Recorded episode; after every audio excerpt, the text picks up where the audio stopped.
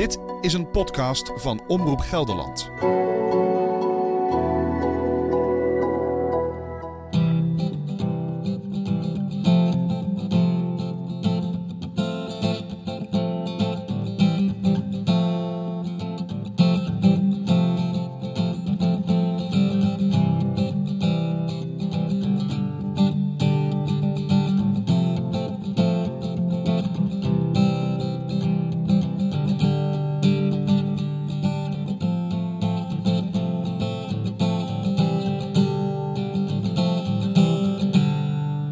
Dit is Wil Teunissen, gitarist, Nijmegenaar. Stond aan de wieg van een van de belangrijkste bands uit de Nederlandse popgeschiedenis, de Frank Boeiengroep. Nooit meer naar een verjaardagsfeest omdat ze vervelend zijn, vervelend zijn. Nooit meer, ik ben er al duizend keer geweest. Ik wil nooit meer, ik ga. Ik praat met Wil over de begintijd van de Frank Boeiengroep. Seks, drugs en rock'n'roll. Zonder eh, dozen witte poeder eh, kregen wij kregen dat niet meer voor elkaar hoor. Dat liedje aspirine gaat niet over aspirine. Er waren andere dingen die ons op de been niet leren. Aspirine en antifipine houden ons op de been. Over het vertrek uit de band. Het was voor mij te veel. Over de liefde voor een goede hoeklijn. En, en dan, en dan, dan werd, hij, werd hij net even wat anders, weet je wel. Het is hier zo gezellig, zo fijn. En, en, dus dat maakte nou net even wat anders dat, dat, als, als dat iemand anders dat zou doen. En Wil vertelt over de vreselijke ziekte die hem treft. Dus eh, ik was met roken gestopt. En we kwamen die, eh, eh, die koude bedoeling uit, waarin dat eigenlijk meer zo gezegd van ja, sorry, we kunnen niks meer voor u betekenen. Dus u bent voor ons ook niet meer belangrijk. Daar kwam het eigenlijk op neer. En ik eh rijd het tankstation in en Erik zegt tegen mij, eh, moet je denken? Nee toch? Ik zei, nee, ik ga sigaretten kopen. En het eerste wat ik gedaan heb, ze hebben samen een sigaret geko- gerookt. We hebben stilzwijgend die sigaret opgerookt, terwijl alleen maar het verkeer voe, voe, voe, dat reed voorbij. We hebben een fles Jaim gekocht hier bij de, bij slijterij. Het was mooi weer en we hebben ons gewoon in de tuin zitten bezatten. Wil Teunissen kreeg drie jaar geleden te horen dat hij ongeneeslijk ziek is. Ik ga bij hem op bezoek in Tiel.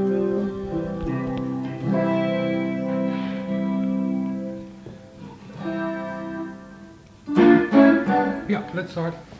Ja, Wil, eh, ja, dat klinkt misschien raar, maar ben je op je gelukkigst met een gitaar in je handen? Je vrouw zit erbij, dus misschien klinkt dat een beetje raar, maar toch? De muzikant met de gitaar, ben je dan op je gelukkigst? Ja, overdag met de gitaar en s'avonds al met de vrouw dan. hè. En heb, en heb je ook nog behoorlijk wat keuze natuurlijk. Eh, zoals elke gitarist heb je een behoorlijke scala. Wat, wat, wat is je lievelingsgitaar? Wat ik in mijn hand heb, dit, dit roze geval. Voor Erika is die roze, ik zeg dat die Pink Selman is, zo wordt die ook genoemd. Dat is wel een hele fijne gitaar. Die heb ik heel in de jaren 90 gekocht. 1992 geloof ik. En nooit geen afscheid van kunnen nemen. Gewoon prima ding. Daartussendoor allerlei gitaren nog wel heen en weer. Wat ik ook een hele fijne vind, is eigenlijk wel die jazzgitaar, die Pat Metheny Ibanez. Daar zit zo'n mooi geluid in daar. Ja, dat vind ik wel heel apart. Dat is weer een heel ander, heel ander gegeven. Daar ga je automatisch jazz mee spelen. Als je dat in je handen hebt. Bent wel een man van kleurtjes, geloof ik. Hè? Want zijn wel de vrij uitges- uitgesproken kleurtjes zie ik overal op elke gitaar. Die gitaar die ik met, eh, waar ik mijn hele, eh, eigenlijk de hele met Frank Boeien op gespeeld heb, dat is die blauwe. En die was zwart. En toen zag ik een keer een fotootje. Door de belichting was die blauw. En toen dacht ik van, oh, dat zal wel mooi zijn als die blauw was. En toen heb ik iemand zo gek gevonden, die heeft dat gedaan. Die werkt nou bij Stokkenhof. Dus de- en die heeft hem helemaal gespoten, helemaal geschuurd, gespoten. Heel mooi in dat blauw. En ja, hij is altijd blauw geweest en altijd blauw gebleven. En dat is eigenlijk de gitaar waar ik alles bij Frank op ingespeeld heb. Zo'n beetje echt alles en ook alles het podium gestaan heb. Dat was hem, inderdaad. En ik doe hem ook nooit weg. Er komt af en toe toch ook weer wat bij. Want ik zag eh, onlangs alweer eh, op Facebook dat je, dat je heel tevreden een fotootje post van ik heb er weer een gevonden. Wat, wat, wat moest er nog per se bij dan? Ik, ja, ik had nog nooit een Telecaster gehad. Dus die wilde ik heel graag hebben. Die zijn heel erg mooi in de akkoorden. En ik vond het gewoon een hele leuke prijs, een Telecaster. Van Squire, zo'n merkje wat erbij hangt.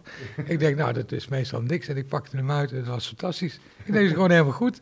Inderdaad, voor 217 gulden. Ik, of euro, daar kan ik iedereen aan vervelen. Doe maar, nee, kan je niet spelen, koop maar zijn ding. Kom gewoon goed, weet je wel. En dan zit hij lekker in Tiel met zijn gitaren. En dat voor een echte Nijmegenaar. Want ja, je bent toch wel echt, eh, je komt echt uit een Nijmeegse familie, hè, Wil? Echt het Nijmeegse familie. Ja, ik ben verdwaald eigenlijk hier, hè. En ook in Nijmegen zelf begonnen met gitaar spelen. Ooit als kleine jongen eh, oefenen, proberen. Toen van papa de eerste gitaar, ben je 12 en dan krijg je een klassieke gitaar. Dan moet je ook op klassiek les. En heel, heel lang etudes van Bach spelen. Ik wilde gewoon rock'n'rollen. En, eh, Dan moest je Bach doen. en ja, dan moet je Bach doen. Dan zit je met een akoestische gitaar waar je helemaal niks uit krijgt. Wat veel te moeilijk is voor je worstenvingertjes. Dan krijg je dat niet voor elkaar. Nou, dan krijg je je eerste elektrische gitaartje met elkaar gespaard. Ik zal nooit vergeten, een Egmond, Nederlands merk notabene.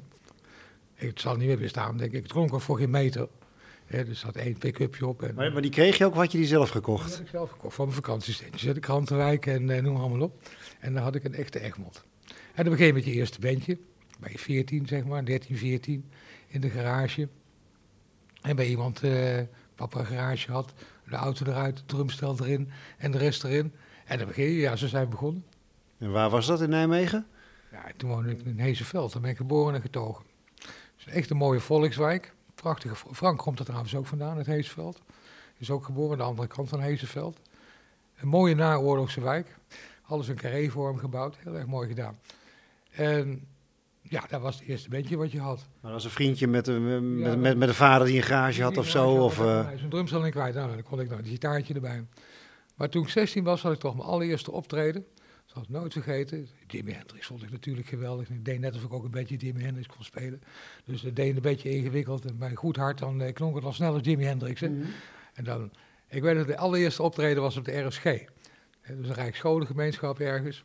Daar heb ik nog vrienden van overgehouden. Ook nog Facebook-vrienden die me na de hand teruggevonden hadden. Die naar aanleiding daarvan zelf gitaar zijn gaan spelen. Dat is wel heel erg leuk. Naar aanleiding van het, van het optreden dan. Ja.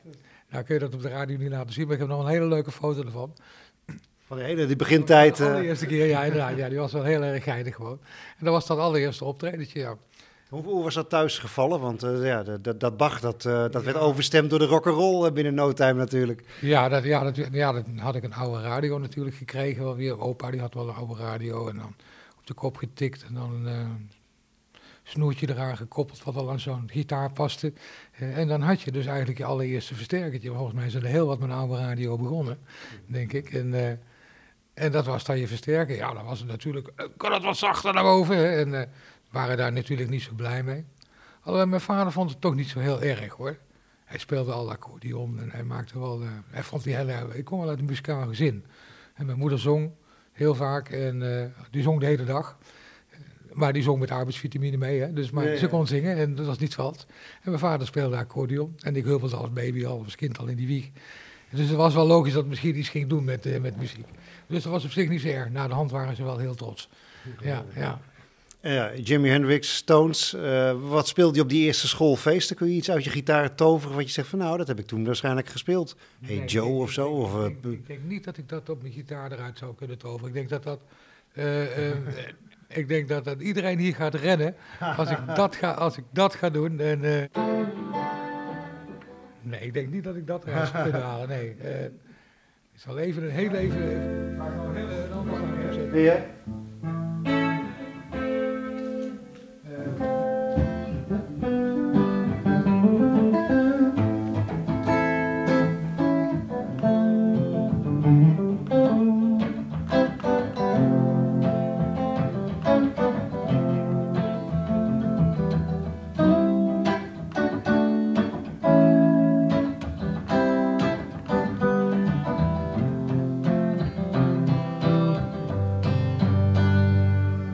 Je meteen talent eigenlijk?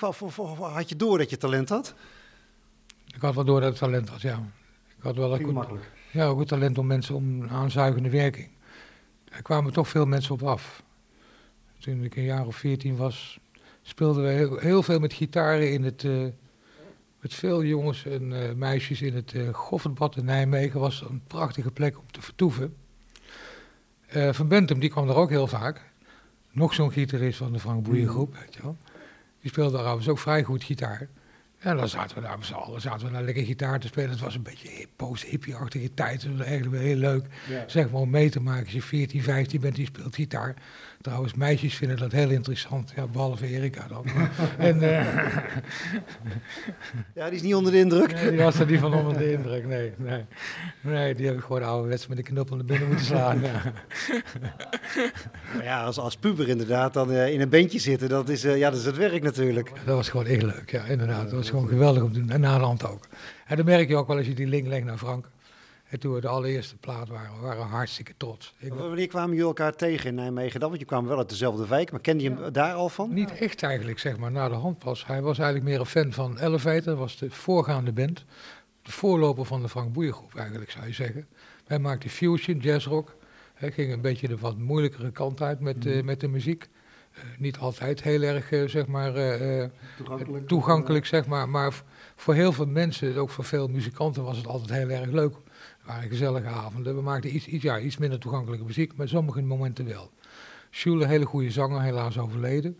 En Frank was eigenlijk een fan en ik had een oefenruimte zeg maar, met de band in Doornroosje. Daar repeteerden we. En met Frank zat ik daar heel vaak. Zaten we gewoon achter een goed glas, zeg maar, een fles whisky. En dan Frank had al wat ideeën en dan eh polijste ik die een beetje. Of ik gaf hij wat tegenideeën erin, zodat hij weer verder kwam. Zo, zo kwam eigenlijk heel langzaam kwam de Frank Boeigroep tot zijn vorm. Want toen we met Elevator speelden, toen zei Frank op wel wat ja, eh, wil, ik heb eigenlijk een drummer nodig, zegt hij. Kan ik Henk even lenen van je? Ik zei, nou, het, eh, het, het- ik ben niet de eigenaar van Henk, dus je Henk moeten vragen. Ik zei, maar dan moet je niet in de war, in de war en dat ik niet in de war raak met onze optredens. Nee, dus dat zou hij verzorgen. Nou, dat deed hij ook heel netjes. En een paar maanden later zei ja, ik, ik moet eigenlijk ook nog een bassist hebben, want dan had hij ook geen bassist.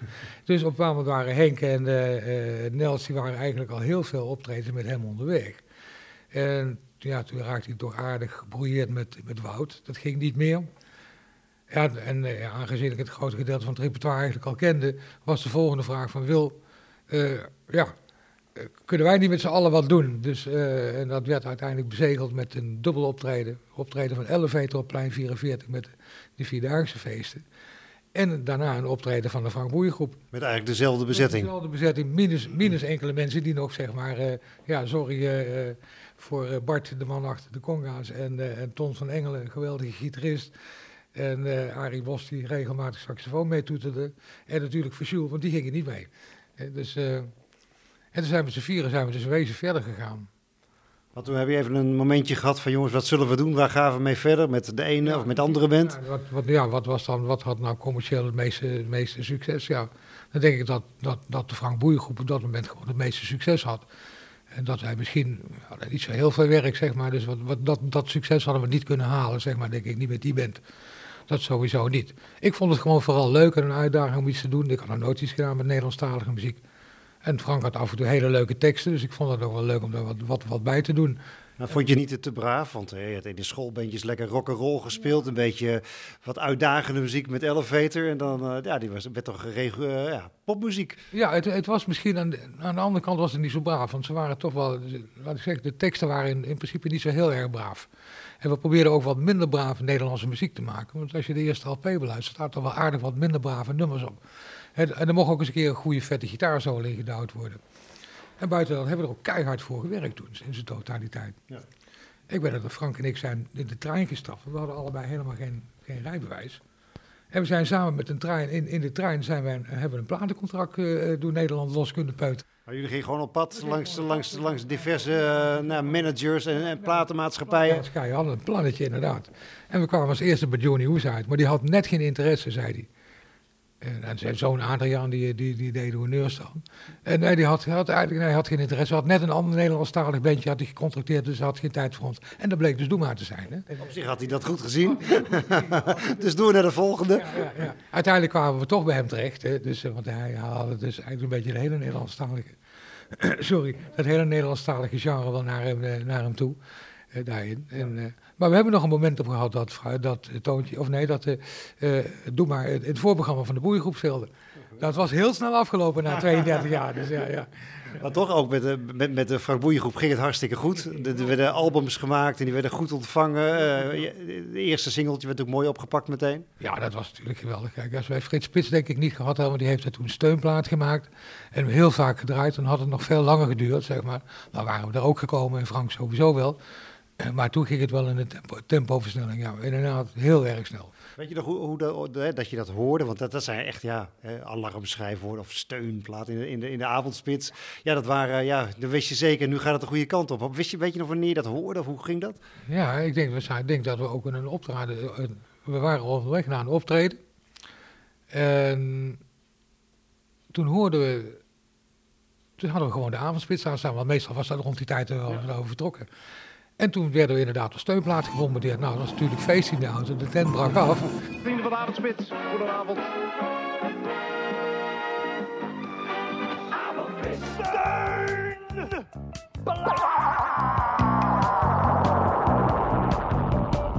Het is hier zo gezellig, zo fijn. En iedereen vraagt zich af waar de rest zou zijn.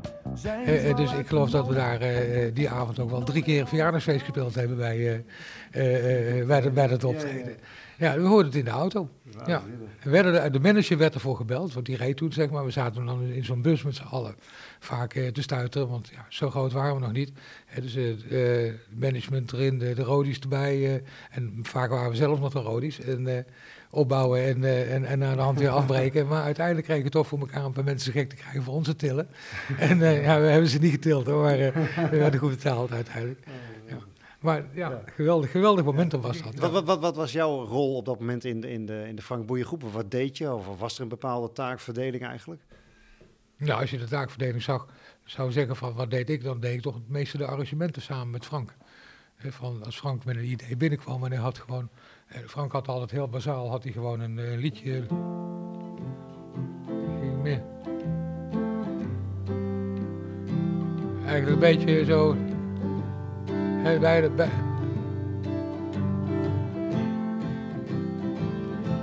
En dat, zoiets had hij dan, weet je wel. En ja, dan moet je er dan, dan had hij er dan wel. Dan, dan neurde hij er wel bij. Dan had hij wel wat, weet je wel. En, uh, nou, maar daar moest dan weer wat bij. En dan was ik wel erg goed in het zoeken van een hoeklijn. Ik noem het een hoeklijn. Dat is, een, dat is eigenlijk een melodie die blijft staan in de muziek zelf. Uh, en die blijft dan in principe staan, zodat iedereen die het nummer gehoord heeft, dat eigenlijk ook nog een keer kan neurien. Uh, en als je, als je zeker van de eerste twee LP's dat beluistert, dan zitten daar heel wat hoeklijnen in. Bijvoorbeeld bij contact. Dat is. Ja.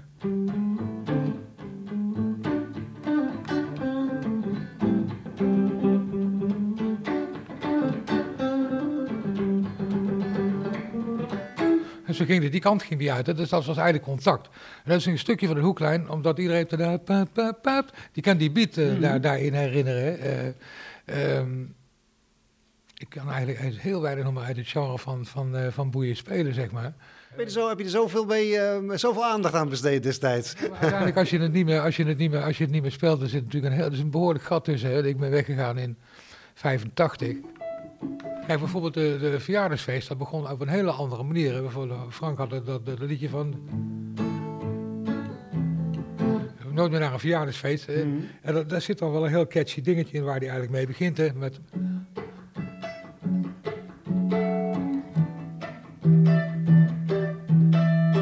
Ik maakte daar eigenlijk een soort bossa van, hè.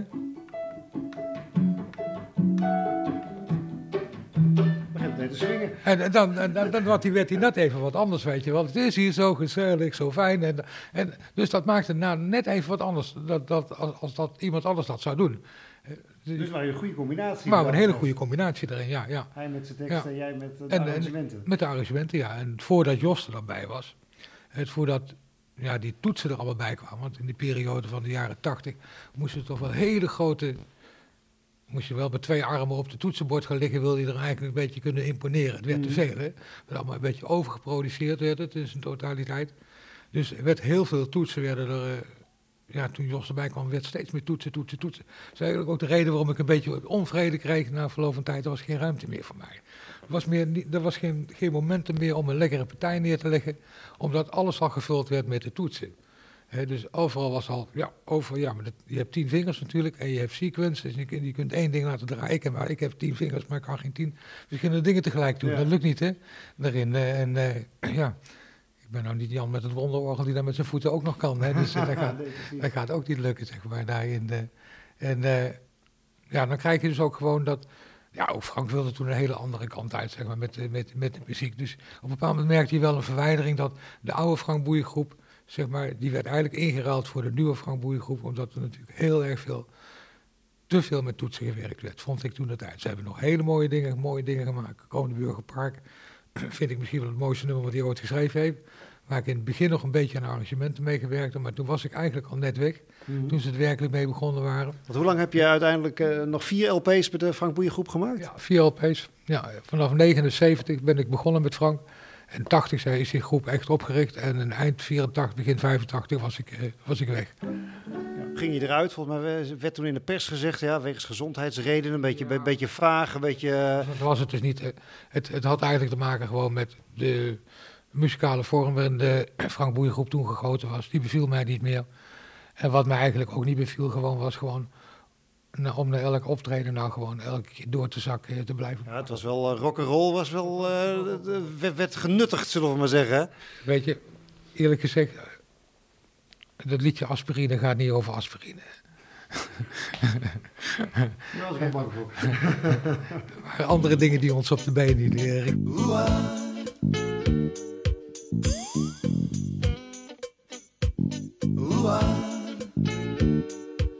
Gisteravond was het laat en alles het pijn. Mijn keel lijkt wel een woestijn. Vanavond wordt het weer laat en ik weet niet hoe lang dit nog door kan gaan.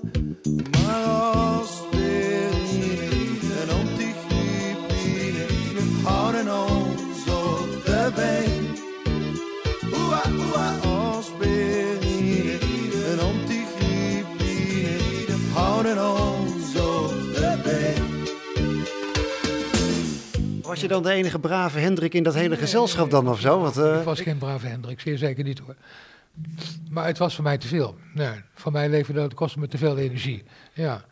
Ik had een ander ritme. eh, ik had dan ook een vriendin, dat scheelde ook wel weer. Eh, toen had je weer het management en die vonden, ja, we moesten eigenlijk, ja, je mocht geen vriendin hebben eigenlijk. Dat moest eigenlijk niet, want dat was niet goed. eh, dat hoorde eigenlijk niet, want anders, ja, anders kwamen die meisjes niet meer. En dat was toch eigenlijk, ja, ja, de image van de band ging dan naar de kloten. Ja, nou kom op, tegenwoordig maalt niemand daar meer om, zeg maar. Hè. Dus eh, dat is al wat. heb je daar nog, is daar nog is er een discussie over geweest? Of was het eigenlijk voor jou een soort vanzelfsprekend van, nou jongens, dit, dit, dit, dit- ik, ga die anderen niet veranderen? Nee, ik ga die anderen niet veranderen. Nee, daar was ook geen discussie over mogelijk. Nee.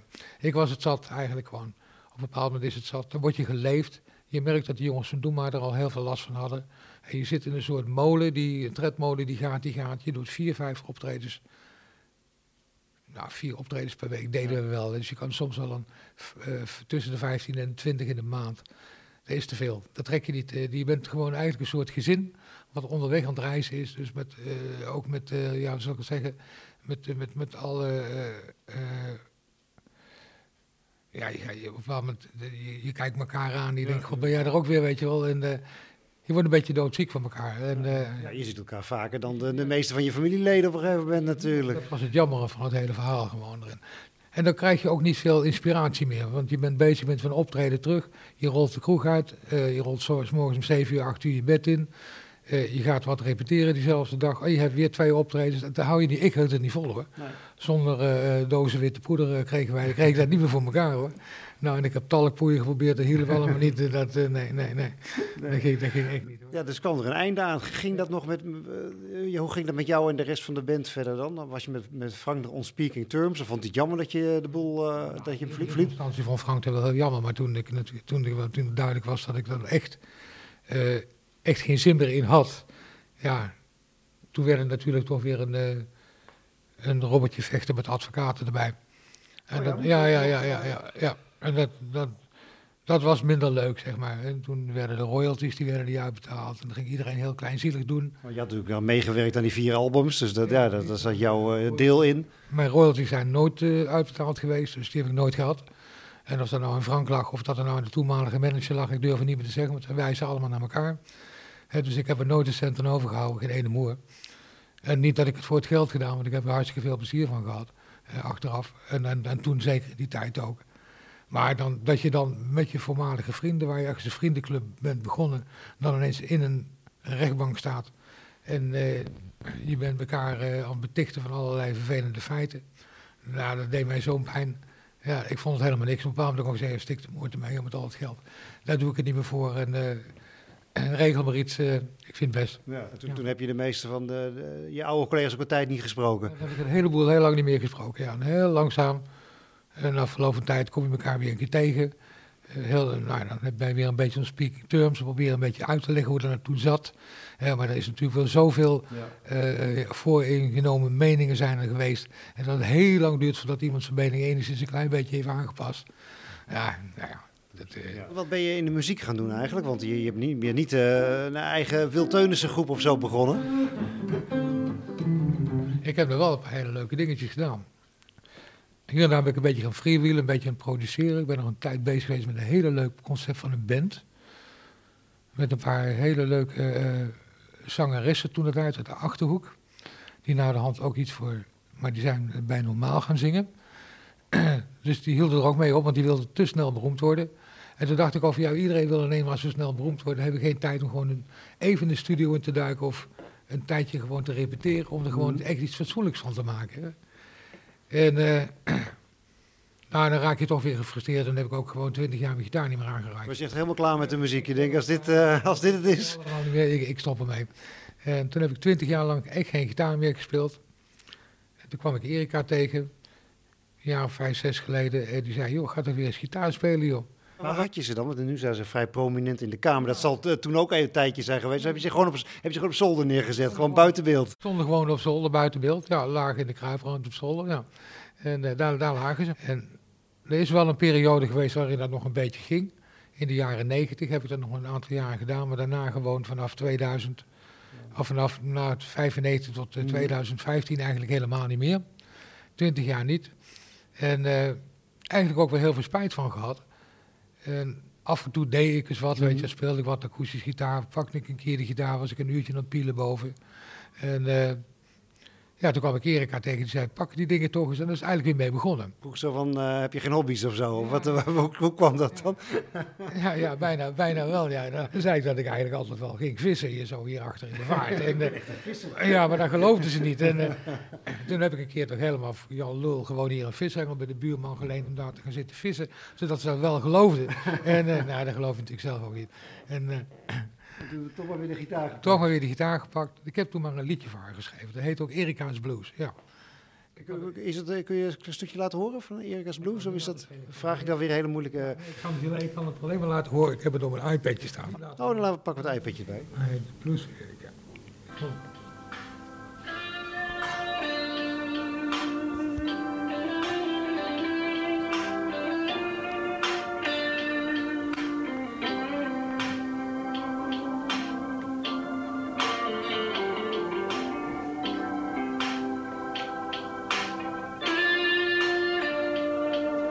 Eerste wat je hebt gemaakt na twintig jaar eh, verstoffen op zolder. De tweede eigenlijk. Ja. Tweede, ja. ja. Na het verstoffen op zolder komt er toch iets heel moois uitzetten. Prachtige mooie lijnen zitten erin, hele mooie gitaarlijnen. Ja, iemand zou het nog kunnen zingen. hè? Nou, je had kunnen zingen, je had erbij kunnen gaan zingen. Ik denk dat je dan was gaan lopen, Erik. Ja, ja, ja, ja. Maar hij is mooi. Ja, dat is mooi. Ja, ik heb hem gewoon op YouTube Blues voor Erika, Z- zoek het op op YouTube, prachtig. Maar toen viel het kwartje weer een beetje. Dan denk ik van, het is eigenlijk wel heel leuk en heel fijn om muziek te maken. Ja, toen viel het kwartje heel langzaam. Het is wel heel fijn om muziek te maken, ja. En dan zat ik er weer helemaal in. En dan moet ik wel eerlijk zeggen, zeg maar, vanaf sinds die paar jaar geleden dan, dat dat, eh, dat, dat eh, vreselijke vervelende nieuws kwam, eh, dat het einde oefening was voor mij, is, dat wel, is toch wel die gitaar weer het grote steunpunt in mijn leven geweest. En waar je me gewoon, de, het meest actieve deel van de dag kun je me terugvinden achter die gitaar, ja. Een beetje alsof je een soort verloren vriend weer ontmoet. Ja, alsof je een verloren vriend ontmoet. Dat is zeker waar, ja. En een kennismaking die dan helaas, voor mijn gevoel, weer veel te kort duurt. ja, en, en, En, en kon je het nog helemaal? Of eh, Ja, je had er geen, geen sleet op? Niet dat je denkt van, nou, ik moet er weer even inkomen? bepaalde, bepaalde patroontjes, die hou je toch wel, weet je. Je zit er toch weer gauw in dat je...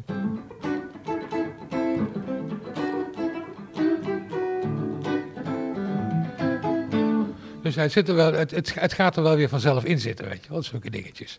En wat ik dan ook wel heel erg leuk vind natuurlijk, is af en toe gewoon helemaal los op de bol te frikken. Maar dan gaat het hier in het huis wel heel hard. De, de, de, de buren die gaan er dan wel. Ja.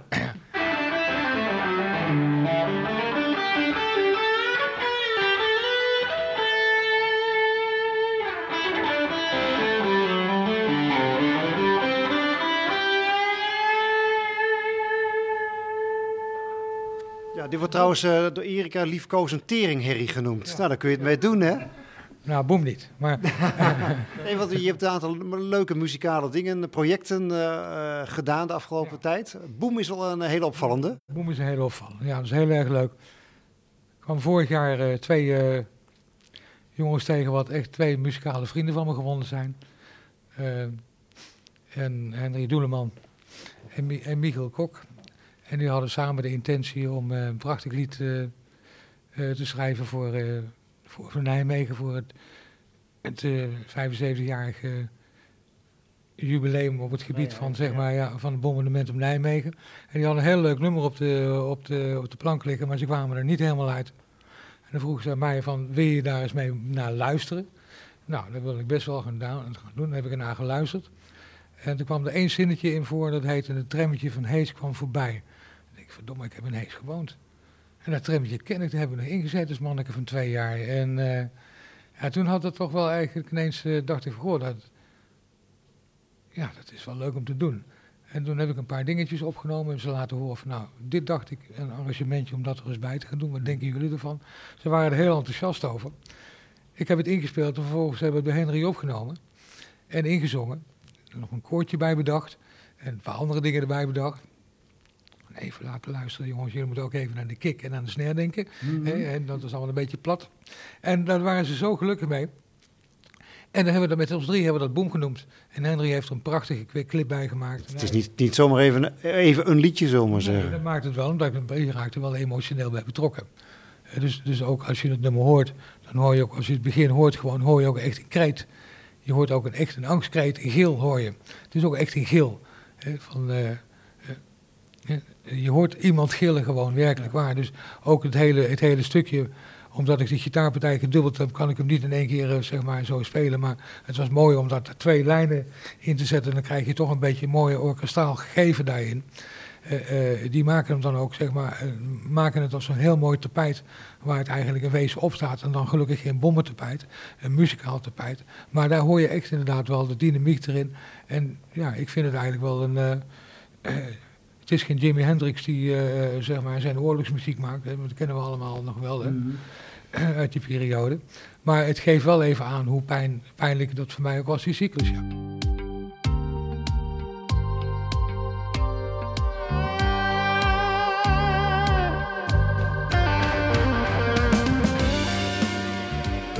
Dat, dat, lied over het bombardement op Nijmegen, heeft dat nog bij jou een, persoonlijke geschiedenis? Bedoel, hoe, is, hoe is jouw familie bijvoorbeeld door dat bombardement gekomen? Nou, gelukkig is mijn familie er wel doorheen gekomen. Ik kan me wel herinneren, de verhalen van mijn moeder herinneren dat die bommenwerpers kwamen, maar dat ze op een bepaald moment eh, heel hard, eh, de, vertelde mijn moeder, vanuit de tuin, want ze woonde op de Sint-Jacobslaan. En ze waren over de Sint-Jacobslaan heen gevlogen in Nijmegen. Maar ze kwamen heel snel weer terug vanuit Groesbeek. En dat vond mijn moeder heel vreemd. En die is heel snel naar binnen eh, gerend en eh, die heeft gegild, dat klopt niet pap, dat is iets had ze geroepen. En toen lieten ze dus die bommen vallen boven Nijmegen. En dat trauma dat heeft mijn moeder eh, nooit echt helemaal goed kunnen verwerken. Ze heeft wel heel veel over proberen te praten, maar daar kwam zij nooit helemaal uit, zeg maar. Want als ze erover begon, begon ze altijd te huilen. En ik heb eigenlijk, ja, sinds een paar jaar geleden is ze me helaas ontvallen. En ik ben er nooit toe gekomen om dat hele verhaal van mijn moeder nou eens echt goed uit te pluizen. Het deed mij namelijk zelf te veel pijn om mijn moeder met zoveel verdriet te zien. Maar dat is ze nooit kwijtgeraakt, nee. Dat, eh, dat is enorm. Het is natuurlijk ook ja, een van de meest heftige oorlogsgeschiedenissen in Nederland in de Tweede Wereldoorlog. Ja, zeker. En, zeker als je geallieerde vrienden dat flikken, dat, eh, dat al helemaal. Eh, En natuurlijk met die kulsmoes van het is vergis, een vergisbombardement, waarvan iedereen inmiddels weet dat het niet zo is. En dat er zelfs sancties op, op, op lagen als je met een vol bommenluik eh, terugkwam. Ja. Het moest wel leeg zijn. weet het nog zo goed. Toen de hoop werd opgegeven, in hun ogen werd het zwart, verminkt bebloed tot op het hart. Weet het nog zo goed, de stad kwam langzaam weer tot leven. Nu ik denk aan het verleden, voor velen kwam de hulp te laat. Boem, de huizen staan in brand, de zwaarst gebonden aan hun kant. Een jongen kent daarvan de pijn, kijk vliegtuigen boven land. Boem, de huizen staan in brand, een drama in het Nederland. Een diepe vleeswond in mijn hart.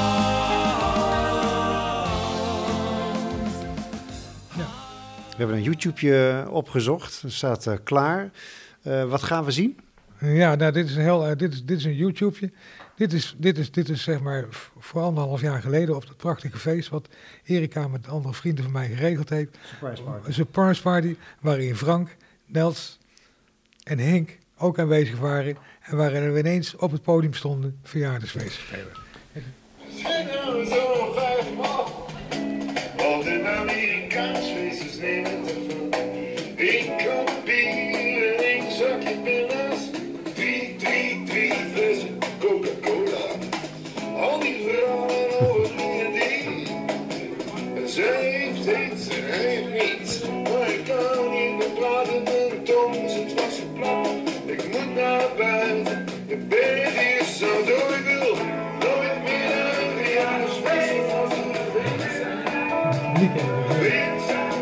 Speelt op de, de, de gele gitaar. Welke is dat? Wat is dat voor gitaar? Dat is een prachtige gitaar. Dat is een eh, jazzgitaar. Dat is een Ibanez een Pat Metheny. Pat Metheny, een van mijn eh, eh, grote voorbeelden op het gebied van jazz. Een fantastische gitarist. Die zulke mooie, die kan toveren op een gitaar, die man. En eh, die heeft de gitaar ontwikkeld. En Ibanez heeft dat voor hem gedaan. En ik heb, ben de gelukkige bezitter van ook zo'n gitaar. Dat, dat, dat, zo'n gitaar, dat, dat- die ademt gewoon. Ja, die ademt. Ja, ja werkelijk waar.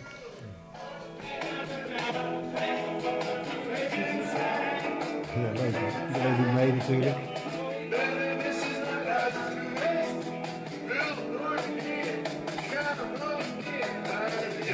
Ja, dat je dat nog, dat je dat nog eh, ooit zou meemaken met... eh, want ja, je hebt, er zijn rechtszaken geweest. Jullie, hebben, eh, nou ja, jullie zijn gebrouilleerd geweest. Ja.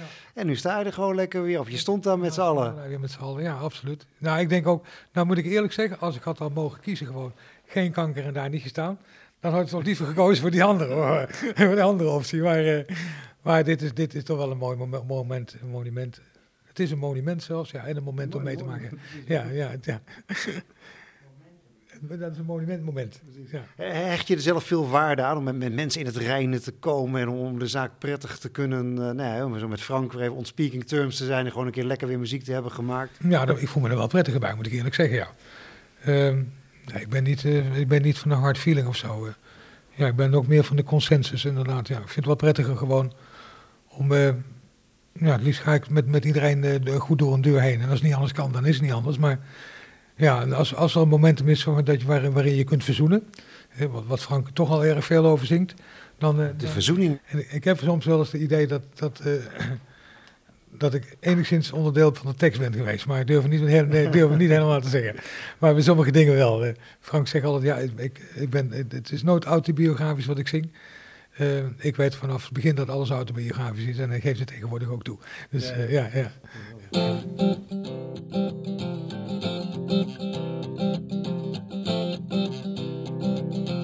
Wil met zijn gitaar, je zegt net, eh, daar, mijn vriend die ik heb teruggevonden, de muzikale gitaar. Helaas een vriendschap die eh, te kort zal gaan duren, want je bent eh, heel erg ziek. Wanneer kreeg je eigenlijk dat slechte bericht? Kun je, kun je dat nog precies voor de geest halen? Ja, dat kan ik wel heel goed voor de geest halen. Dat was drie jaar geleden ruim. En toen kreeg ik te horen dat ik kanker had. Maar toen was er nog van alles aan te doen, operatief. En, eh, Maar je voelde je niet zo lekker of zo? Of, het niet lekker. Nee, ik kon van de ene op de andere dag kon ik gewoon niet goed slikken. En dat duurde een aantal weken. Toen ben ik dat eh, eens gaan uitzoeken. En toen bleek dat, er, eh, en dat ik slokdarmkanker had. waar, wel, waar wel een operatie aan zou kunnen gebeuren. En nou, daar kwam natuurlijk eerst een heel groot chemo-programma terecht. Bestralingen en chemo, waar je heel erg ziek van wordt. Dat heeft een, een maand of vier geduurd. En toen kwam uiteindelijk de hele zware operatie, waar je maar 10% van eh kans verslagen had. Dat ik eruit zou komen, dat wist ik niet. Eh, maar Erika wel. Ik had net een nieuwe versterker gekocht. Ik denk, daar moet ik nog een tijdje spelen. Dus eh, als een soort motivator, stok achter de deur. en toen ging het ook heel langzaam, ging het steeds beter, steeds beter, steeds beter. Een half jaar lang, totdat het ineens slechter ging. En toen ben ik weer teruggegaan naar het ziekenhuis. En toen bleek dus dat, dat ze ja, fouten gemaakt hadden. Bij de operatie waren toch eh, cellen in mijn lichaam terechtgekomen. Kankercellen, verkeerde cellen. Dus er waren heel veel uitzaaiingen. En toen was er helemaal niks meer aan te doen. Toen was het alleen nog maar palliatief. Van ja, eh, we kunnen pijnbestrijding doen en voor de rest helemaal niks. Hoe, Ja. hoe heb, je, hoe heb je die eh, boodschap verwerkt? Kun je dat verwerken? Nee, Of, dat, dat kun je niet verwerken. Dat lukt echt niet. Dus eh, ik was met roken gestopt, al een tijd. En we kwamen die, eh, eh, die koude bedoeling uit, waarin dat eigenlijk meer zo gezegd van, ja, sorry, we kunnen niks meer voor u betekenen. Dus u bent voor ons ook niet meer belangrijk. Daar kwam het eigenlijk op neer. En ik eh rijd het tankstation in en Erik zegt tegen mij, eh, moet je denken? Nee toch? Ik zei, nee, ik ga sigaretten kopen. En het eerste wat ik gedaan heb, ze hebben samen een sigaret gerookt. En we hebben stilzwijgend die sigaret opgerookt, terwijl alleen maar het verkeer voe, voe, voe, dat reed voorbij. We zijn stilzwijgend helemaal hier naartoe gereden. Ja, ik wist niet wat ik moest zeggen. We hebben een fles wijn gekocht hier bij de, bij de slijterij. Het was mooi weer en we hebben ons gewoon in de tuin zitten bezatten. En, eh, en eh, ja, en daarna ga je weer bezinnen en ga je proberen te knokken, maar dan valt nu natuurlijk die knokken. Dus je moet je er dan maar bij neerleggen dat het zo is. En de dingen zo goed mogelijk zien te regelen. En dat, eh, ja, voor de kinderen, voor alles en voor iedereen op een of andere manier. Het enige bijzondere is, is dat ik gewoon nou nog over mijn dood heen kan kijken. en dat ik in ieder geval weet hoe mijn kist eruit gaat zien. Want ik heb hem zelf samengesteld. Ja, en... Want dan moet een muzikantenkist Ja, worden, neem ik Het aan. moet toch wel iets anders worden, ja. Ik ben hier in, eh, aan de overkant van de Waal. Daar zit een eh, heel klein bedrijf. Er zijn twee jongens, die zijn een, een bedrijf begonnen. Die maken prachtig mooie kisten. In elke vorm of hoe je het ook beschilderd wil hebben. Wat je ook zou willen, zeg maar. Echt heel mooi. Gewoon een heel andere manier van de bekende doodskist die er is. Een paar hele mooie voorbeelden van gezien. En eh, ja, dat was echt heel, heel, heel, heel bijzonder. Laat ik dan maar als een verrassing... eh, Maar je leeft je wel Ja. aardig uit, begrijp ik. nou ja, het, het, mag, het, mag, het mag ook wel wat anders zijn, zeg maar. Het hoeft, het hoeft natuurlijk niet zo'n enorm... Het is, zwaar, maar het hoeft niet zo'n hele zwaarmoedige toestand te zijn, zeg maar. Eh, Er moet ook gewoon wat gedronken kunnen worden aan het eind. Ik vind dat wel heel belangrijk. Ja, dat moet goed geregeld zijn. Dus en, en- en- dat die, ja, dan denk ik van, eh, dat, het is, ik, ik vind het zelf heel, heel, heel verschrikkelijk om te vertrekken. En heel veel mensen vinden het ook verschrikkelijk dat ik vertrek. Dat sowieso. En nadat er dan in ieder geval ook nog iets positiefs overblijft, zeg maar. Waarin je gewoon na de hand, zeg maar, na zo'n ceremonie, ook met z'n allen gewoon nog een drankje kan drinken. Ja, ik zou zeggen, proost, proost er op mij, weet je wel. En als die ene dan op is, dan is het nog niet gedaan. Pak er rustig nog één, weet je wel. En eh, niet dat iedereen ladder zat de tent uit moet lopen, maar, eh, maar er is wel ruimte voor, laat ik dan zo zeggen, om in ieder geval wat te drinken daarin. En wat te eten. Er zijn toch al van die bijzondere dagen als je dat doet. Was de muziek eigenlijk moeilijk? Want je bent natuurlijk zo'n muziekman. Je hebt zelf muziek gemaakt. Je kent veel goede gitaristen, mooie nummers, goede teksten. Ja, dat lijkt me een lastige keus. Blues for Erika, dat is een nummer wat, er wat, daar, wat daar gedraaid moet worden.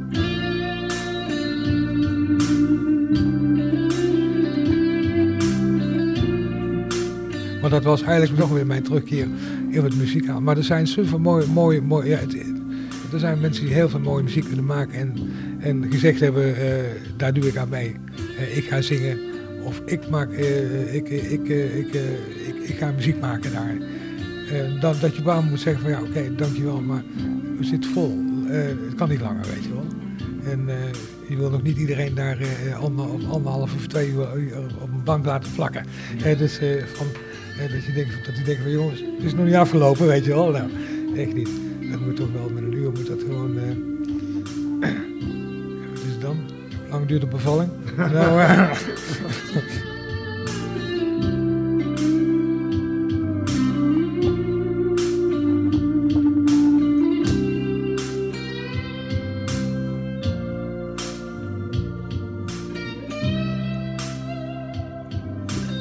Wat, wat wil, je, wil je ons iets meegeven? Wil je zeggen, nou, Nou, ik zou alleen maar zeggen, pluk de dag. Ehm, als, je, als je ziek bent en je kijkt om je heen, en je zit... Ik, eh, het- wat ik zo bijzonder vond, ik heb, ik heb tomaten zien groeien. Dat is raar, die zeggen wel, we hebben het gras, gras zien groeien. Maar we hadden tomaten gezaaid. En nou, heeft mij nooit geen ene bal geïnteresseerd. Maar dan hangen er ineens tomaten in je tuin. Ik, het is eigenlijk wel heel bijzonder. Hoor. Je gaat door de tomaten in de grond en ineens heb daar een hele tomatenstruik hangen. Dan wil ik het jaar erop weer. Weet je wel? En eh, dat, je dat je van zulke kleine dingen kan genieten. Pluk de dag, iedereen race door de dag heen. We hebben allemaal jachtig, jachtig, jachtig van A naar B, heen en terug. Doodziek. Weet je wel, iedereen moe op de bank. Nou nee, neem de tijd en verander. En eh, verander. Bevalt het je niet, ga iets anders doen. Ja, absoluut. Ga dat doen. Ga doen wat je wilt. Dat is wat ik naar iedereen wil meegeven. Ga nou eens een keer doen wat je wilt.